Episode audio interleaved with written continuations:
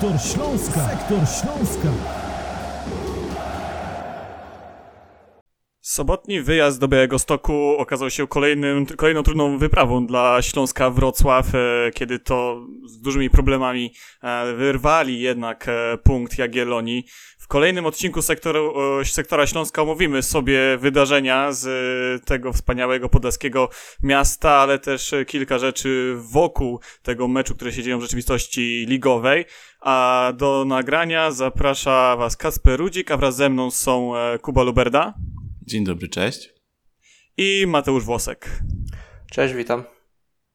Kochani panowie redaktorzy, no mieliśmy naprawdę wyjątkowy wyjazd, można powiedzieć, bo z jednej strony atmosfera roz, robi się dosyć ciężka we Wrocławiu i z taką niepewnością chyba przystępowaliśmy do tego meczu, bo gdzieś ta Jagiellonia ma pewną swoją e, jakość, co też zobaczyliśmy na e, Murawie. Jak tak ogólnie może oceniacie ten występ e, w wykonaniu Śląska Kuba?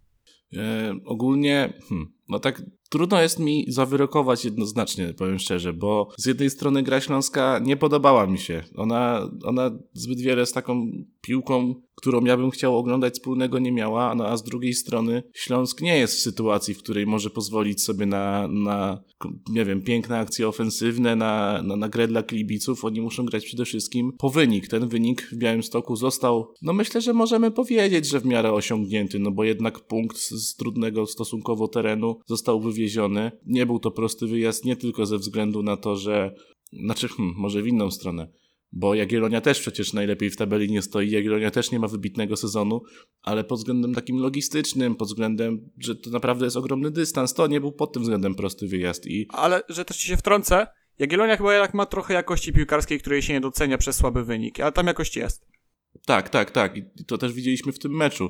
No bo na pewno docenić trzeba jeden punkt, ale nie możemy chyba doceniać tego, co widzieliśmy na boisku, bo Śląsk powinien to za, spotkanie zamknięte w pierwszej połowie i to nie przez siebie, tylko przez rywali, którzy po prostu byli nieskuteczni na potęgę, trafali w słupki, poprzeczki.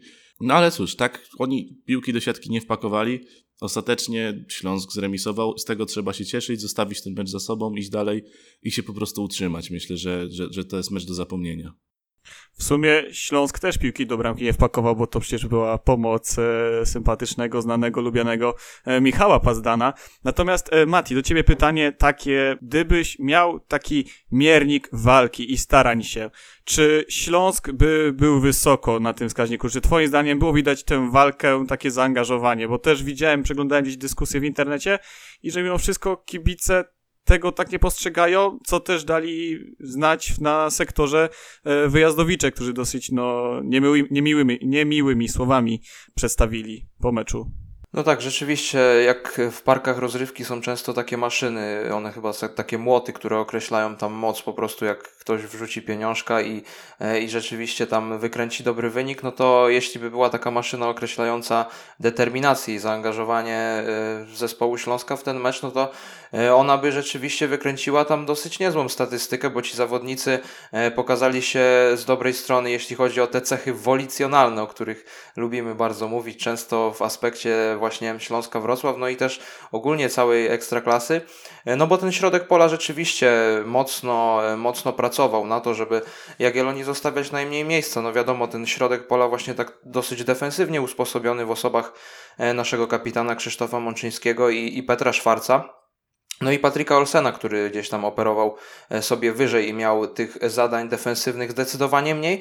Natomiast warto zauważyć, że, że rzeczywiście uratowaliśmy się po E, po dosyć szczęśliwej akcji, wiadomo, Denis Jastrzębski e, dobrze tam pociągnął lewą flanką, no i, i nabił e, Michała Pazdana. Mieliśmy dużo szczęścia, natomiast ja jestem troszkę E, zły z tego powodu, że ten mecz znowu gdzieś tam próbuje nam w końcówce przypudrować te ogromne mankamenty Śląska, które widzieliśmy w poprzednich spotkaniach, bo zauważcie, że e, to jest dokładnie e, ten sam scenariusz jak ze starcia z Wisłą Kraków, kiedy Wisła zaskoczyła nas swoimi ofensywnymi atakami. No i w Białym Stoku było podobnie, bo, bo tych akcji Jaga miała naprawdę sporo, tam poprzeczka Romańczuka, zresztą on później jeszcze raz trafił, ale, ale w słupek. Także na naprawdę, tutaj jesteśmy oczywiście szczęśliwi, że ten jeden punkt jest, natomiast nie można, nie można w żaden sposób e, jakby nie, nie przestawać, nie ustawać w pracy dalszej, no bo przed nami przecież Pogoń Szczecin. Ale wydaje mi się, że z drugiej strony trzeba docenić to, że drużyna podniosła się po naprawdę no, bardzo dużym mentalnym dołku po Brookbecie, bo możemy być niezadowoleni z tego, jak Śląsk y, wyglądał w tym meczu, no bo to nie była piękna piłka grana przez nas, to był raczej mecz ze wskazaniem, taki remis ze wskazaniem na Jagiellonie i to zdecydowanym wskazaniem, ale naprawdę należy docenić to, że, że ci zawodnicy y, się dźwignęli, że, że trener Tworek wykonał raz ze całym sztabem szkoleniowym jakąś pracę na treningu, y, która no, umożliwiła wywiezienie po prostu z Białego Stoku punktu, no bo jeżeli porównamy sobie ten mecz, y, ten, ten mecz teraz y, do tego meczu z Brookbetem, no to mimo wszystko ten zespół wyglądał lepiej. Inną sprawą jest to, że nigdy nie powinien w takim miejscu się znaleźć i to też y, należy wspomnieć, ale, ale myślę, że jeżeli mamy porównywać nasze nastroje no, z tym, co działo się tydzień temu, no to w ogóle, w ogóle niebo a ziemia.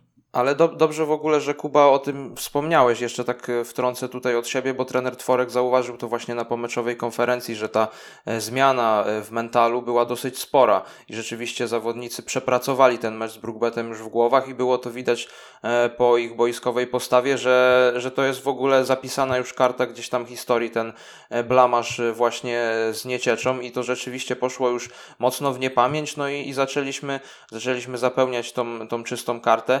E, właśnie w Białym Stoku. No i to jest też, to jest jeden z plusów jednak tego spotkania, e, czyli podniesienie się po, po tej rywalizacji z Brookbetem. No a właśnie zacząłem temat konferencji prasowej, no bo na konferencji prasowej troszkę się tam działo, panowie, prawda? Były emocje zdecydowanie, szkoda tylko, że Karola tutaj nie ma, bo myślę, że on zdecydowanie miałby najwięcej do powiedzenia w temacie. Natomiast zanim przejdziemy do konferencji, ja bym chciał jednak jeszcze wrócić do tematu boiskowego i jak te mecze wyglądają, bo jednak jak spojrzymy e, wstecz, to jednak te mecze e, wyglądają tak, że Śląsk jest dominowany przez każdego praktycznie kolejnego rywala, może poza Rakowem.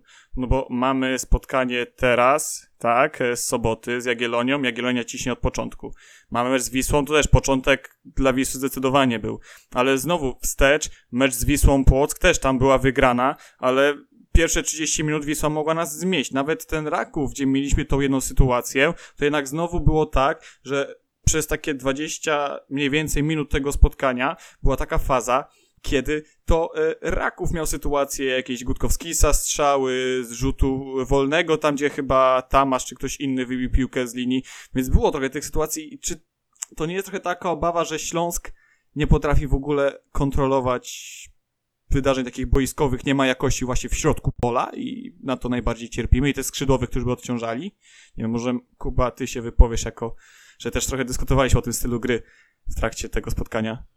Aj, no to jest trudny temat, bo, bo z jednej strony, no tak, jak najbardziej, Śląsk tych wydarzeń boiskowych za bardzo nie kontroluje.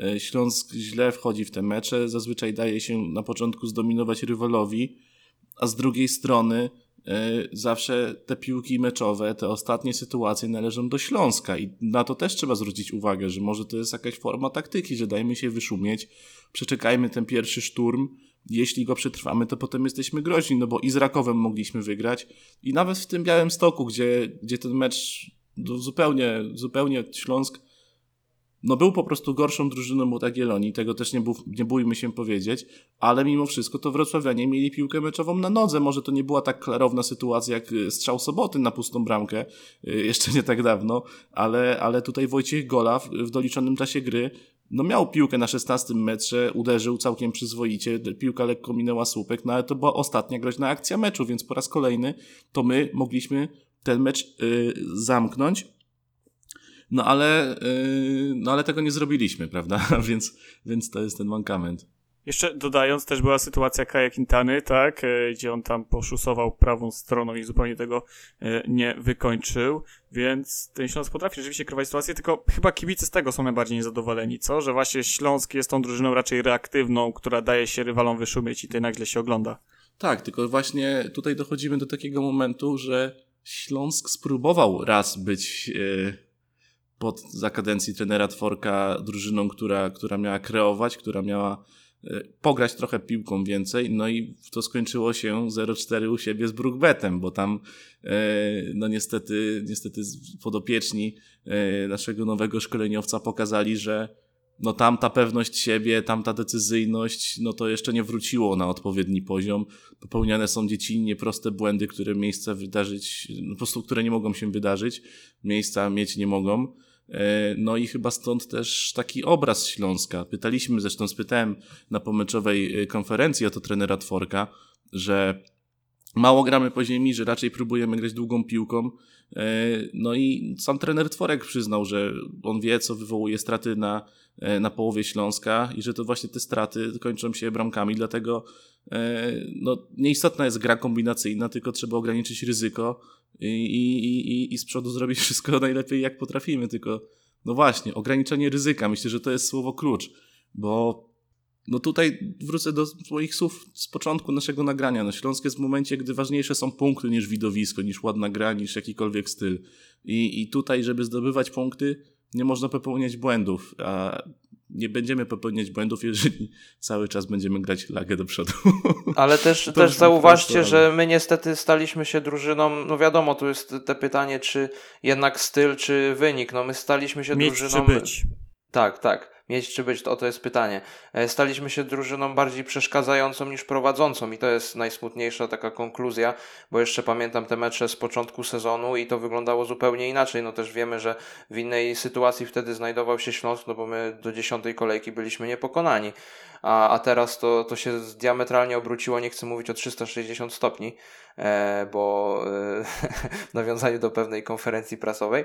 E, e natomiast e, no to jest, to jest taki mankament, który E, gdzieś tam musi zapalić się taka lampka władzom Śląska na pewno, e, że właśnie ta drużyna mm, w tym momencie no, musi dotrwać te trzy kolejki w takim, mm, w takim stylu, jakim gra, no bo tutaj rzeczywiście konieczne jest zdobywanie tych punktów, bo, bo znamy sytuację w tabeli. Brookbet jeszcze wygrał e, teraz u siebie z Wisłą Płock, zrównał się punktami bodajże z Wisłą Kraków, jeśli dobrze mówię. Także wygląda to dla nas coraz gorzej, bo, bo te drużyny z, z tyłu się niebezpiecznie zbliżają zbliżają. My mamy teraz pogoń, także, e, także o punkty jakiekolwiek może być ciężko, natomiast wiemy, że pogoni też we Wrocławiu ciężko się gra, także, także nie przesądzajmy jeszcze, e, jeszcze przed e, sobotnim spotkaniem. Tak, no Pogoni ciężko się gra, ale ostatnio chociażby Pogoni źle wspominała Śląsk dlatego, bo ten wyjazd do Wrocławia, no bo Erik Exposito jednak ponękał ją tam potężnymi strzałami sprzed y, tutaj okolicy pola karnego mniej więcej i no trochę są obawy, czy ten Erik zagra, bo tak w sumie zapytaliśmy, Karol Bugajski zapytał na konferencji trenera Tworka, dlaczego go nie ma, tylko słyszeliśmy, że muszą być zawodnicy w 100% gotowi i tak trochę przypomniały się demony pewnego trenera jeszcze sprzed kilku miesięcy, który też opowiadał dużo o gotowości. Natomiast właśnie ten mecz z Pogonią może być ważniejszy niż się wydaje, ale jeszcze zmienię temat do innego pomocnika. E, Patrick Olsen dla was było szokiem, że jednak e, trener zdjął Olsena, jedynego chyba takiego bardzo kreatywnego zawodnika po to, aby zabezpieczyć jednak ten środek, bo no, trochę z jednej strony rozumiem to podejście defensywne, tak? Jak powiedział trener, że trzeba wypełniać te przestrzenie, doskakiwać i po prostu niczym wprawny murarz wypełniać wszelkie luki. Natomiast praktycznie jedyne, co się działo dobrego w ofensywie, to jednak był Olsen. Kuba, dla ciebie to, co powiedział trener, trochę to uzasadniało jednak po czasie, tę zmianę? Znaczy, hmm, no ja powiem szczerze, że to zależy o co my chcieliśmy grać. No, w momencie, gdy, gdy, gdy Olsen schodził z boiska, przegrywaliśmy 0 do 1 i trzeba było gonić wynik, więc dla mnie nie było to do końca zrozumiałe. Ostatecznie wyszło, że to trener miał rację, no bo on ten mecz zremisował.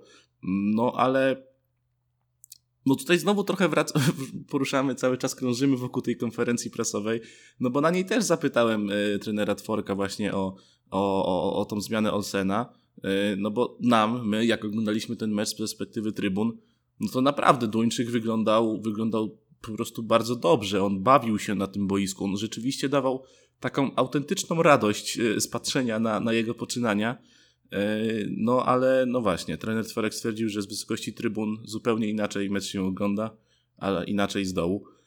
No i no z tym trochę trudno dyskutować, dlatego że no my ze stanowiska trenera jeszcze prawdopodobnie meczu yy, nie oglądaliśmy. Nie wiem jak wy, ja przynajmniej nie, ale, ale no taka odpowiedź w sumie nie wiem trochę jak to zrozumieć do końca.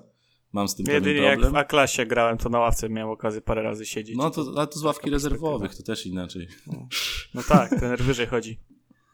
No, ale y, już, już trochę, trochę odbiegając od takich e, śmieszków luźnych, no to mnie to zdziwiło, bo, bo Olsen, tak jak wspomniałem, dla mnie to był zawodnik, no, dla którego ten mecz chciało się oglądać. On mieszał, on kiwał, on nie robił strat, co też jest ważne, bo e, no, jeżeli przypomnimy sobie jego poprzednie spotkania, to tam, nawet jeżeli fajnie wyglądał z piłką przy nodze, to mimo wszystko pojawiały się te straty. W Białymstoku tych strat wcale, no ja nie przypominam sobie jakiejś jego poważnej straty, nie przypominam sobie w ogóle za bardzo jego strat, a przypominam sobie świetne zagrania, piłki progresywne, yy, kluczowe podania, które napędzały tę akcję Śląska. No ale mm, no właśnie, tylko że ten Olsen nie pasował do tej prostej gry, którą Śląsk chce teraz grać. Olsen gra kombinacyjnie, Olsen buduje akcję, Olsen musi dostawać piłki i musi też mieć wokół siebie zawodników, którzy do tej gry będą się pokazywać, a nie usta- no, no bo ten Śląsk, tak naprawdę filozofia Śląska była taka, żeby dać lagę na Piaseckiego i wbiec mu za plecy. Yy, także do tego Olsen nie pasował, więc no czy zmianę rozumiem? I tak i nie. No, chciałbym, żeby ta zmiana nie doszła do skutku, rozumiem dlaczego została wykonana, ale nie przekonują mnie powody, może tak powiem. Tak, ale były w ogóle momenty tego meczu, ja tak zauważyłem właśnie z perspektywy trybun dostrzegalne idealnie, gdzie Olsen się nie stawał liczy. się takim, to się nie liczy, to już wszystko co powiem To dalej. by nic to nie już, dało. To, to, by nie nic dało nie, to nic. nic, on był lepszy w, w patrzeniu z perspektywy murawy. E, dobra, a już tak przechodząc serio do tej opinii, e, to, e, to było widać ewidentnie, e, ewidentnie było widać u Olsena takie cechy trochę liderowania, bo on tam miał momenty, gdzie wzywał nawet do, do wyjścia wysokim pressingiem, gdzie tak nawet zrywał się momentalnie e, wyżej e, gdzieś i też w ogóle dużo podpowiadał, dużo gdzieś tam uczestniczył właśnie w takich e, dyskusjach między zawodnikami. Widać, że on też chce dużo wziąć na swoje barki tej gry i to jest myślę pozytywna cecha, natomiast e, no niestety no nie odbiegniemy od tego, co mówi Kuba, czyli od naszego e, tego stylu gry, który gdzieś tam nie, nie sprzyja być może e, takim, e, takim czarodziejskim grajkom. E, No z Brookbetem on zszedł chyba po godzinie gry, jeśli się nie mylę, tak e, teraz chyba w 70 minucie, także je- jest wid- widać taką konsekwencję w tym, że jednak e, on tych całych meczów nie będzie grał, tylko, e, tylko gdzieś tam właśnie będzie ściągany zawsze e, na ławkę rezerwowych. Natomiast e, co zobaczyliśmy, to nasze, oczywiście te wszystkie, e, te wszystkie sztuczki z piłką to zawsze, zawsze miłe, miły wkład do tej ekstraklasy, która no, jest dosyć, myślę, przewidywalna w tym momencie. Ale, ale co warto dodać, że to nie były tylko sztuczki z piłką, tylko z tego rzeczywiście wynikała dla Śląska korzyść, bo em, to było wszystko efektowne, ale także efektywne i, i wydaje mi się, że w przypadku takich zawodników warto o tym wspomnieć, no bo takich magików, którzy trochę się pokręcili, ale w sobie nic z tego nie wynikało, to, to już w Ekstraklasie było wielu. Pamiętamy Farszada w Śląsku, który zasłynął z jednego przyjęcia piłki. Yy, No i co, no fajnie się patrzyło na to przyjęcie piłki. Nawet pewnie dołożyłem kilka kliknięć do, do liczby wyświetleń na YouTubie pod, pod filmikiem, gdzie on to robi. No ale co z tego? Co, jaki to, jakie to ma przełożenie na mecz, prawda? No ale właśnie sztuczki Olsena na przełożenie na mecz miały, no bo on rzeczywiście zdobywał przestrzeń, mijał rywali, yy, no i budował tę akcję Śląska, także to warto powiedzieć. I jeszcze jedna taka luźna myśl odnośnie Duńczyka, że no Śląsk musi się utrzymać choćby po to, żeby w przyszłym sezonie zacząć budować grę ofensywną na nim i, i naprawdę może z tego być coś, coś pięknego, coś fajnego do obserwowania.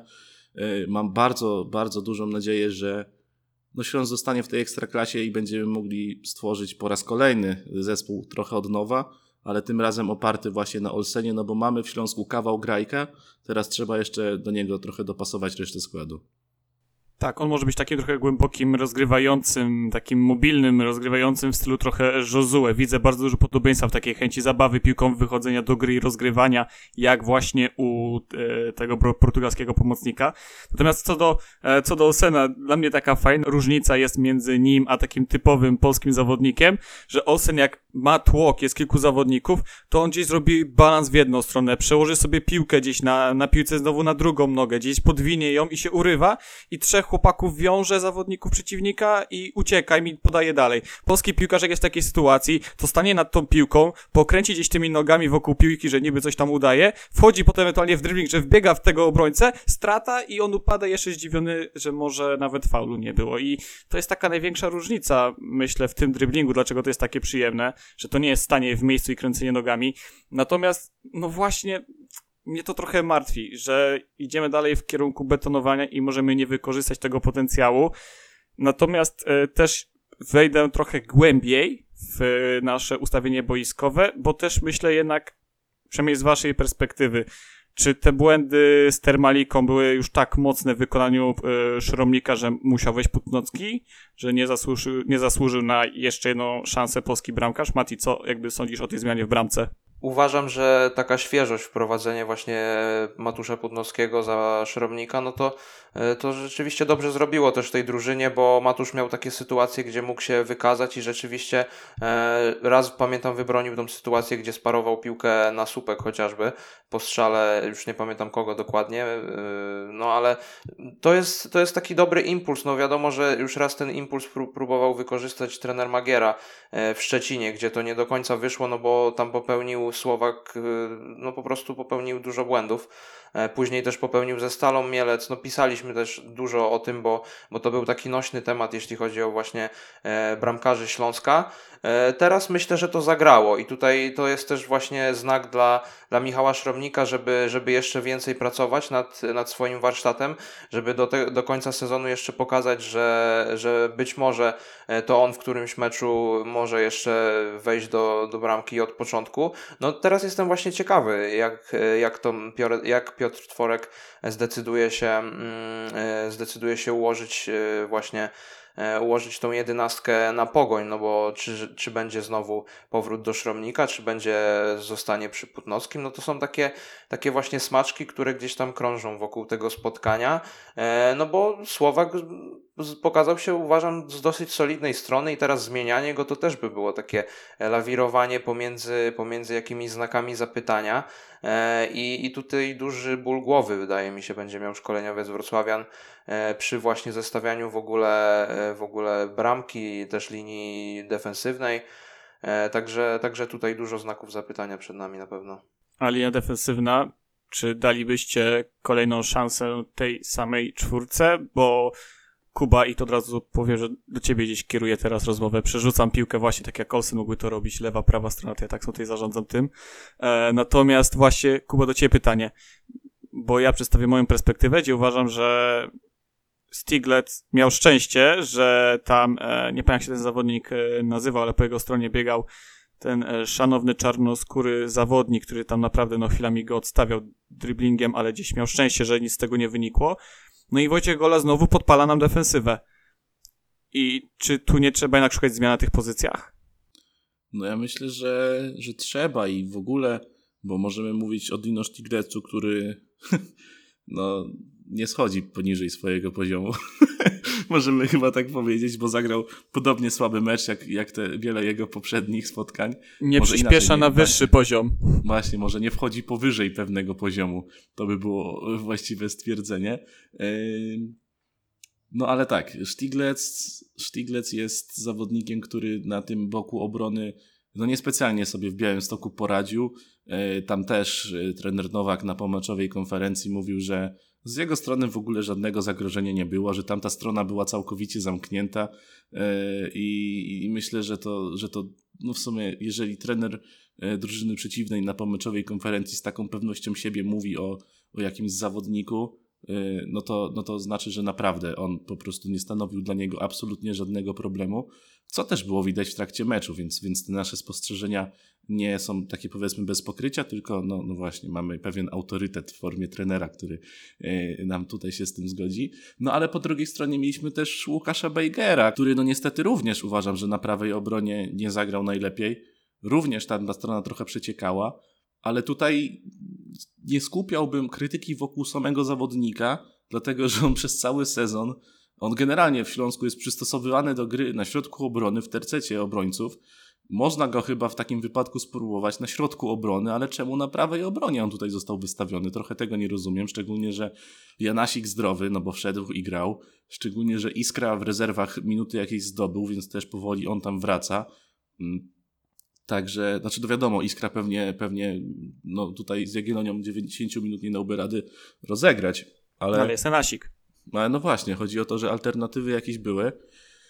No i dziwi, dziwi ten Bejger.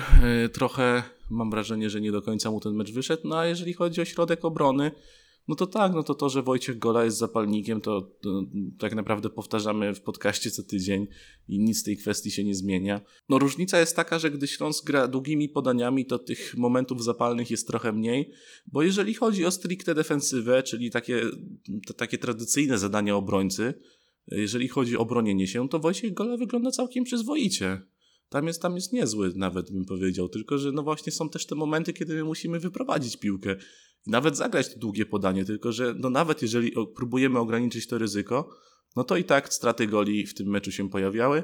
Yy, no i zostaje nam Mark Tamasz do omówienia. Mark Tamasz miał swój udział przy straconym golu, dlatego że on w duecie ze Szwarcem próbował zablokować strzał. Nie wyszło to im zupełnie, jak, jak widzimy po wyniku.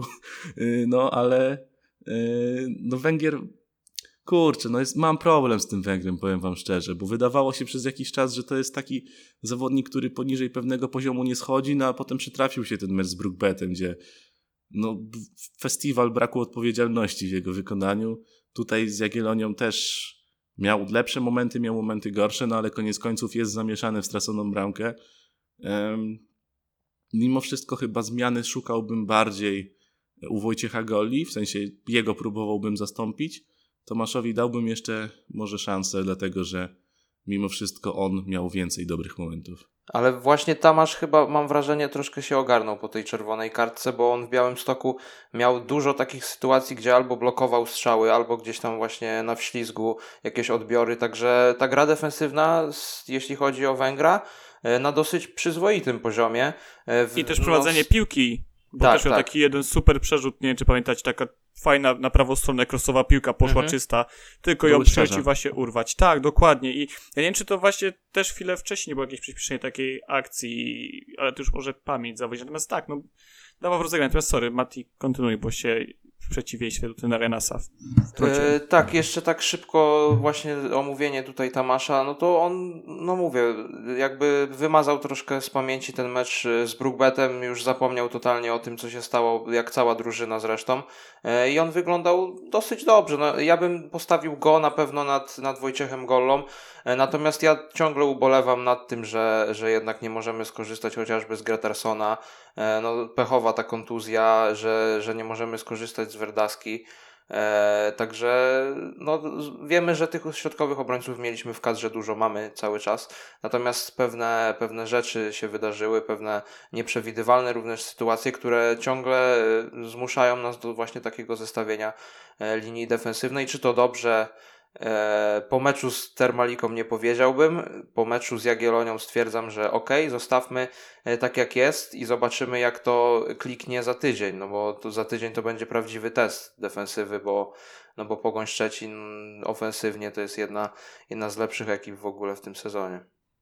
Znaczy ja bym dodał tylko, że no to nie jest tak, że my jesteśmy zmuszani do grani takim środkiem obrony, bo przecież Diogo Verdacka był dostępny na ławce rezerwowych no, Nawet on chyba się tam kłócił przy rożnym właśnie. Była taka sytuacja, że tam wskazywał sędziemu, tak, że tak, piłka tak. na linii była i musiał podbiegać, no. Ale też, też pamiętajmy o tym, że jest Konrad Poprawa schowany w rezerwach. E, ja nie do końca wiem, dlaczego został schowany, dlaczego on no, tak naprawdę po podpisaniu kontraktu ze Śląskiem nie gra. To jest dla Bardziej, mnie że nie zawodzi w rezerwach. No tak, on jest, po prostu gra na swoim przyzwoitym poziomie, który prezentował cały czas. Teraz pomógł rezerwom zwyciężyć po raz pierwszy pod trenerem Batorem i, i, i no też poprawa miał swój udział w tym czystym kącie, także dziwi mnie to, bo to nie jest tak, że my jesteśmy, mamy jakieś zamknięte grono obrońców, no bo też Łukasz Bejger też może grać na tym środku obrony, nie musi On być wręcz nie chce obrońcą. grać na prawej stronie, dlatego no, tutaj. dokładnie. Także no są takie, są takie e, decyzje, tylko że no to też musimy wziąć poprawkę na to, że my możemy sobie tutaj uprawiać filozofię, no ale to koniec końców sztab szkoleniowy widzi tych zawodników e, dzień w dzień na treningach i ja podejrzewam, że no nie bez powodu akurat takie zestawienie obrońców wyszło. To też nie jest do końca czas na szukanie jakichś roszad, szukanie alternatyw, e, no generalnie poszukiwanie swojego złotego środka obrony, no bo jeżeli w tym poszukiwaniu popełni się jakiś błąd, no to może to kosztować tak naprawdę no spadek, to może sprawić, że Śląsk zleci do tej pierwszej ligi. Także ja jestem za tym, że jak już została obrana taka ścieżka, zostali wytypowani tacy zawodnicy do gry w tej obronie, no to niech oni już grają bo, no bo też mam wrażenie, że z meczu na mecz wyglądają coraz lepiej, chociaż no właśnie była wpadka z Brookbetem, no ale powiedzmy, że zostawmy to już za sobą i, i miejmy nadzieję, że, że będą oni się zgrywać i będzie to wyglądało lepiej. Tak, no zgadzam się z tym, co mówisz, tylko tak, zgadzam się pod tym kątem, że trzeba dograć ten sezon do końca w takim ustawieniu, w takim zestawieniu, żeby się utrzymać. Natomiast też ważny będzie wybór na przyszłość, co będzie dalej, bo ja osobiście powątpiewam, powiem w ten sposób, czy Piotr Tworek zostanie w Śląsku Wrocław. Moim zdaniem jest to mało prawdopodobne, patrząc jak ta drużyna się prezentuje na boisku, a tak naprawdę przeciętnie się prezentuje.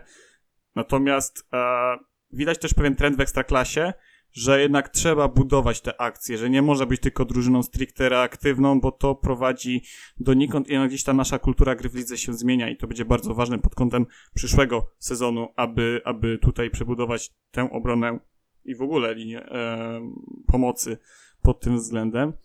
Na koniec e, jeszcze takie pytanie o zmienników. Dwóch konkretnie. Adrian Łyszczarz, Denis Jastrzębski. Czy waszym zdaniem zgłosili gdzieś kandydaturę do tego, aby gdzieś tam po tych skrzydełkach zamiast Quintany czy czy czy czy czy czy czy czy czy czy kto tam był? Boże, rak mózgu. Pich. O. Picha, picha. Pich zagrał Pich zagrał tak słabo, że zapomniałem, że on grał. To nie tak, że zapomniałem w ogóle jak się nazywa, po prostu dlatego zapomniałem. E, czy waszym zdaniem Zapicha i Quintana, któryś z tych zawodników mógłby się wkrótce pojawić? Szkoda, szkoda, że PIK nie wykorzystał tego, że gra piękny jubileuszowy 250 mecz w Ekstraklasie i zaprezentował się tak słabo, jakby właśnie nie grał w ogóle w, w Białym Stoku. Natomiast jeśli chodzi o, o zmienników, o Jastrzębskiego, e, właśnie chciałbym tutaj zahaczyć, bo on naprawdę zrobił tam wiatr. Piotr Tworek też odpowiadając na nasze pytanie, właśnie wspomniał o nim, że, że dużo dał e, zawodnik pozyskany z Herty Berlin. No i on miał jedną taką akcję na, na skrzydle, gdzie już wtedy było widać, że tam przedzierał się mocno pod pole karne. No i druga ta bliźniacza akcja skończyła się właśnie samobójem Pazdana, także e, tutaj mocno gdzieś tam mocno wariował na tej lewej stronie i tam dawał się we znaki e, zawodnikom gospodarzy i to był właśnie ten Jastrzębski taki e, z tego spotkania z Lechią, gdzie on nas tam zachwycił mocno. Pamiętam, że rozmawialiśmy wtedy długo, prowadziliśmy dyskusję na temat tego, że to będzie prawdziwy grajek. Jak się okazało e, po czasie w tych kolejnych kolejkach on się trochę spalał w takim sensie, że, że troszkę wydaje mi się głowa, głowa chciała więcej niż nogi i wyglądało to na boisku jak wyglądało. Czy to jest zawodnik na pierwszy skład? To jest właśnie dobre pytanie, czy on powinien dostać z Pogonią szansę w pierwszej jedenastce. Wydaje mi się, że w obliczu tego, jak właśnie pokazał się Robert Pik, to to jak najbardziej jest rozwiązanie. Tylko jeszcze mamy drugą sprawę, czyli mamy jeszcze Adriana Łyszczarza, no, który wiemy, że zagrał chyba ostatni raz w podstawowym składzie bodajże w Grodzisku Wielkopolskim.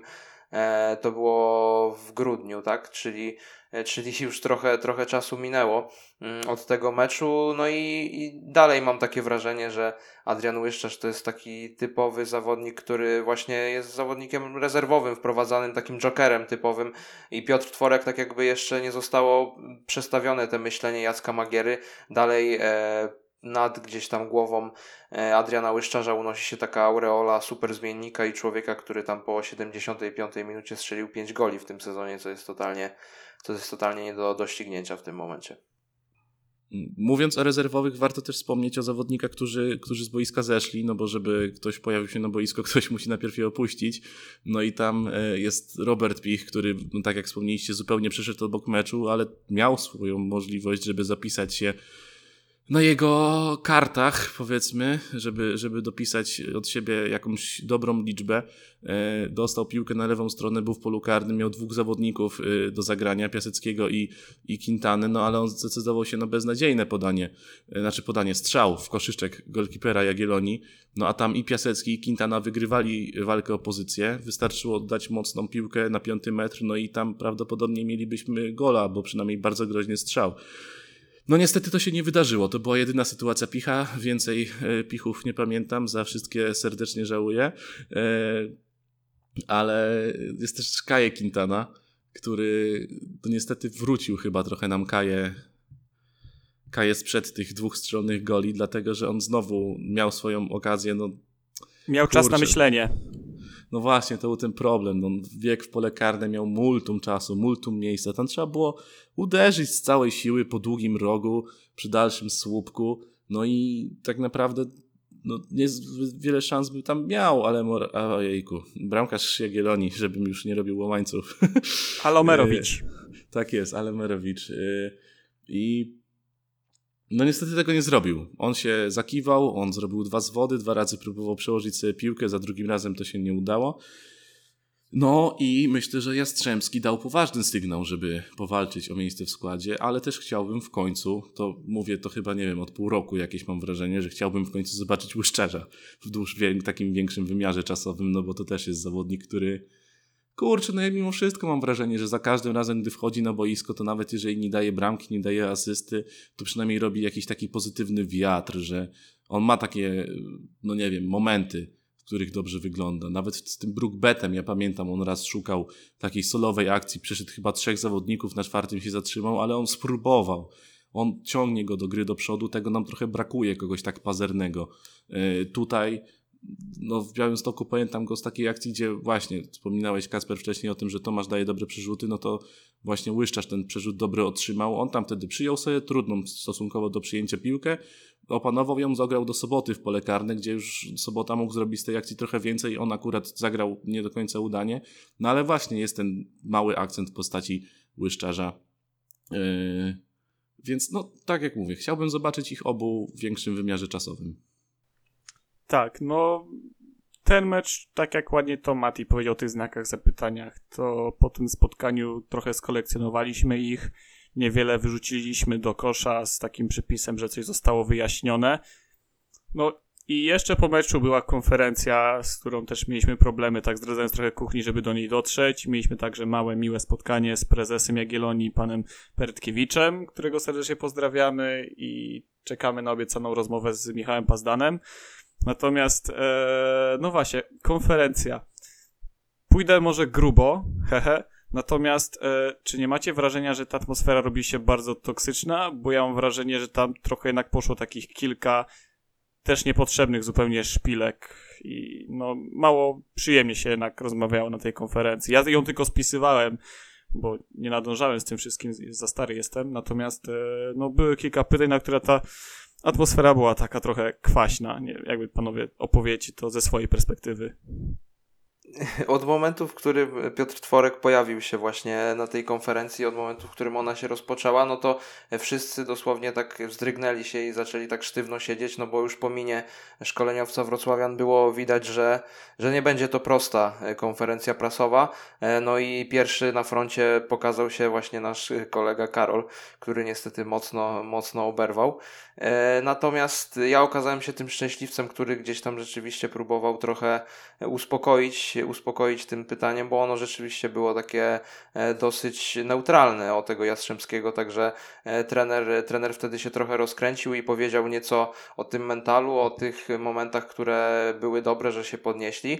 E, to były w ogóle dwa oblicza tej konferencji, bo mieliśmy dwóch Piotrów, no i Piotr Tworek to był taki rozgniewany, rozgniewany szkoleniowiec po, po meczu, który, e, który chce jak najszybciej wyjść z tej salki, natomiast Piotr Nowak to był człowiek otwarty, podejmujący też dyskusje z dziennikarzami, ale też mówiący e, dosyć e, grube słowa, że tak powiem, o swoich piłkarzach i nie łapiący się gdzieś tam za język, jeśli chodzi o postawę zawodników. Tam padło nawet takie zdanie, że no jeśli nie będziemy się rozumieć, no to trzeba będzie się rozstać, no dosłownie. No.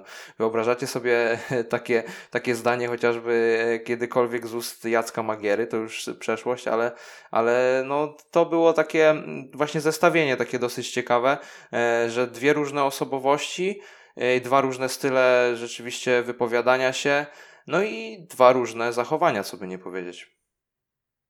No ja bym chciał dodać, że no czuję się po prostu nieprzyjemnie. Nieprzyjemna była ta konferencja e, prasowa. Oczywiście nie wszystkie konferencje muszą być przyjemne, ale no tak może przedstawmy to z naszej perspektywy, gdzie no współtworzymy portal Śląsk.net, który pisze o Śląsku, który robi multum rzeczy wokół Śląska, opakowuje jakoś te mecze. Poświęca no, całą sobotę się... na podróż wszerz Polski.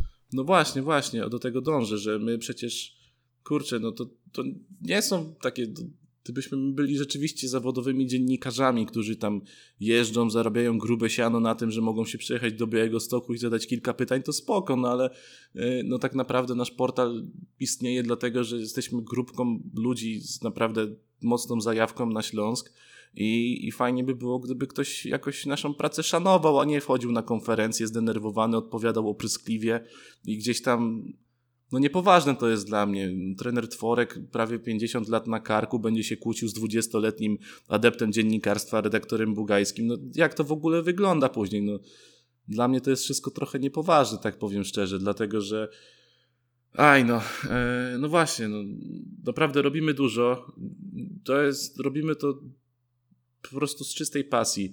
Zawsze staramy się ten Śląsk jakoś obiektywnie, jak najbardziej obiektywnie potrafimy przedstawić. Nie, nie popieramy żadnych hejtów, nie popieramy e, żadnych negatywnych opinii, znaczy może inaczej, negatywne opinie, jeżeli są poparte jakimiś konstruktywnymi argumentami, to wtedy to popieramy, ale no ja mam wrażenie, że naprawdę robimy dla tego klubu, dla tej drużyny naprawdę bardzo dużo, a potem dostajemy coś takiego i to jest dla mnie po prostu niesmaczne. I, i, i o tym warto powiedzieć. A jeżeli chodzi o trenera Nowaka, to, to dla mnie też dziwna sytuacja, szczególnie, że poproszony o komentarz pomeczowy, on na początku rozsiadł się w fotelu, parsknął śmiechem, no i to chyba jest też takie podsumowanie tego, tego trenera.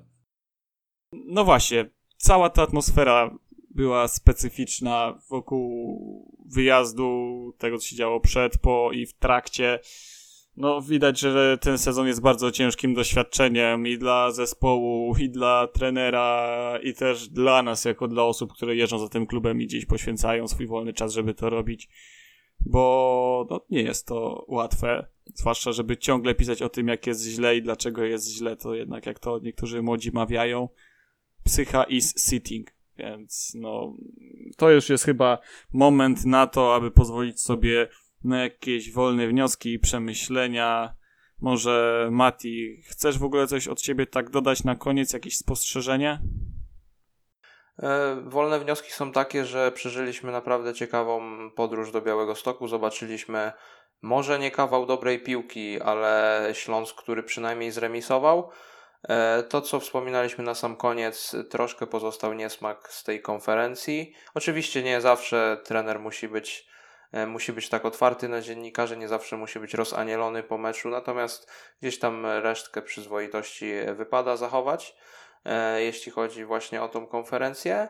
E, no cóż, no patrzymy dalej w przyszłość na te trzy ostatnie mecze, które E, które Śląsk rozegra, no i, i niecierpliwie oczekujemy właśnie e, ostatecznych rezultatów w postaci utrzymania się zespołu, e, no i tego przyklepania już do ostatecznego właśnie tego pozostania w lidze. No i myślę, że, że ta sobota spędzona jednak dobrze, wracaliśmy szczęśliwie, także, także wszystko jednak na plus. Kuba, jakieś z Twojej strony wolne wnioski są w takim razie? Mm, Tak, ja bym myślę, że warto, warto zaznaczyć, że rezerwy zwyciężyły swój mecz, yy, dlatego że zawsze pod koniec robimy ten kącik rezerw, także tutaj yy, w końcu upragnione, długo wyczekiwane zwycięstwo, które nieco ułatwi walkę o utrzymanie w tej drugiej lidze. Yy, jeszcze tej walki nie rozwiązuje, ale naprawdę jest to bardzo duży krok ku utrzymaniu. E, Także gratulujemy. E, Zawsze tutaj próbujemy się lekko wbijać szpileczki trenerowi Batorowi. E, Tak, oczywiście w ramach humoru, no bo tu, tu nikt nie, nie jest jakimś złośliwcem. Bardziej tak próbujemy sobie z tego lekko śmieszkować. Ciężko Dziś też robić powodu- inaczej przy takich wynikach. Tak, no ale właśnie, dzisiaj, dzisiaj powodu do śmieszkowania nie mamy. Dziś jesteśmy bardzo zadowoleni. Gratulujemy zwycięstwa rezerwom. Cieszy nas to niezmiernie i czekamy na kolejne punkty. Ja ze swojej strony tylko dodam, że bardzo mnie cieszy to, że Przemysław Bargiel kolejny raz dorzuca jakieś punkty do klasyfikacji kanadyjskiej, bo on jest bardzo stabilnym zawodnikiem już jak na poziomie drugiej ligi. Okej, może nie jest jakąś mega gwiazdą, ale mam wrażenie, że on naprawdę regularnie potrafi dać coś o siebie w tych e, meczach Śląska. I drugi wolny wniosek. Naszym partnerem jest e, firma LVBet i ja proponuję, żeby przed następnym meczem, jeżeli będzie grał Dino Stiglec, dać taki zakład, czy rozwali kolejną bandę e, na stadionie. Bo nie wiem, może ci, którzy nas słuchają, tego nie zauważyli, bo inni moi znajomi tego nie zauważyli. Natomiast po jednej piłce, chyba od Patryka Olsena Dino Stigleca, on do niej nie miał szans, żeby dojść, ale był tak rozpędzony, że zaczął hamować jeszcze na boisku, hamował jeszcze dalej za linią końcową, ale nie był w stanie zwolnić, no i w końcu z impetem wpadł w bandę, powalił ją kompletnie, była potężna luka i tam porządkowi musieli ją ratować, więc myślę, że warto rozważyć taki zakład, czy Dino Stiglec w następnym meczu zdąży wyhamować przed bandą. Co wy panowie na to? Kuba. E, Tak, myślę, że to jest ciekawy zakład. Ja jeszcze dodam od siebie, już tak e, kończąc, e, już rzeczywiście zmierzając do końca, że robiliśmy ostatnio małe podsumowanie po naszej zmianie formatu sektoru Śląska. E, Wyszło nam, że rzeczywiście aktywnie nas słuchacie, bardzo nas to cieszy, ale mniej więcej połowa z Was dalej nie subskrybuje naszego e, kanału, drodzy słuchacze, także zachęcamy do subskrypcji, zachęcamy także do, do jeszcze liczniejszych komentarzy pod tymi podcastami. Możecie proponować sami tematy, które chcecie, żebyśmy poruszali. E, Wprowadźmy trochę więcej interakcji, bo, bo myślę, że, że to będzie po prostu całkiem fajne. Tak, zdecydowanie zachęcam Was do aktywności. Więcej komentarzy, tym, tyż, tym nam też będzie łatwiej się do nich odnieść. Zachęcamy do subskrypcji, także do obserwowania innych materiałów, których tutaj na naszym YouTubie już e, nie brakuje. No i to jest też zawsze dziś mobilizujące, żeby dalej treści dla Was tworzyć. To był kolejny sektor e, Śląska, sektor wyjazdowy z Białego Stoku, a wraz z Wami tutaj e, prowadzili narrację Kuba Luberda Dzięki wielkie. i Mateusz Włosek, Dzięki, trzymajcie się. a prowadził to Kacper Rudzik. Do usłyszenia. Hej Śląsk! To jest Sektor Śląska. Sektor Śląska.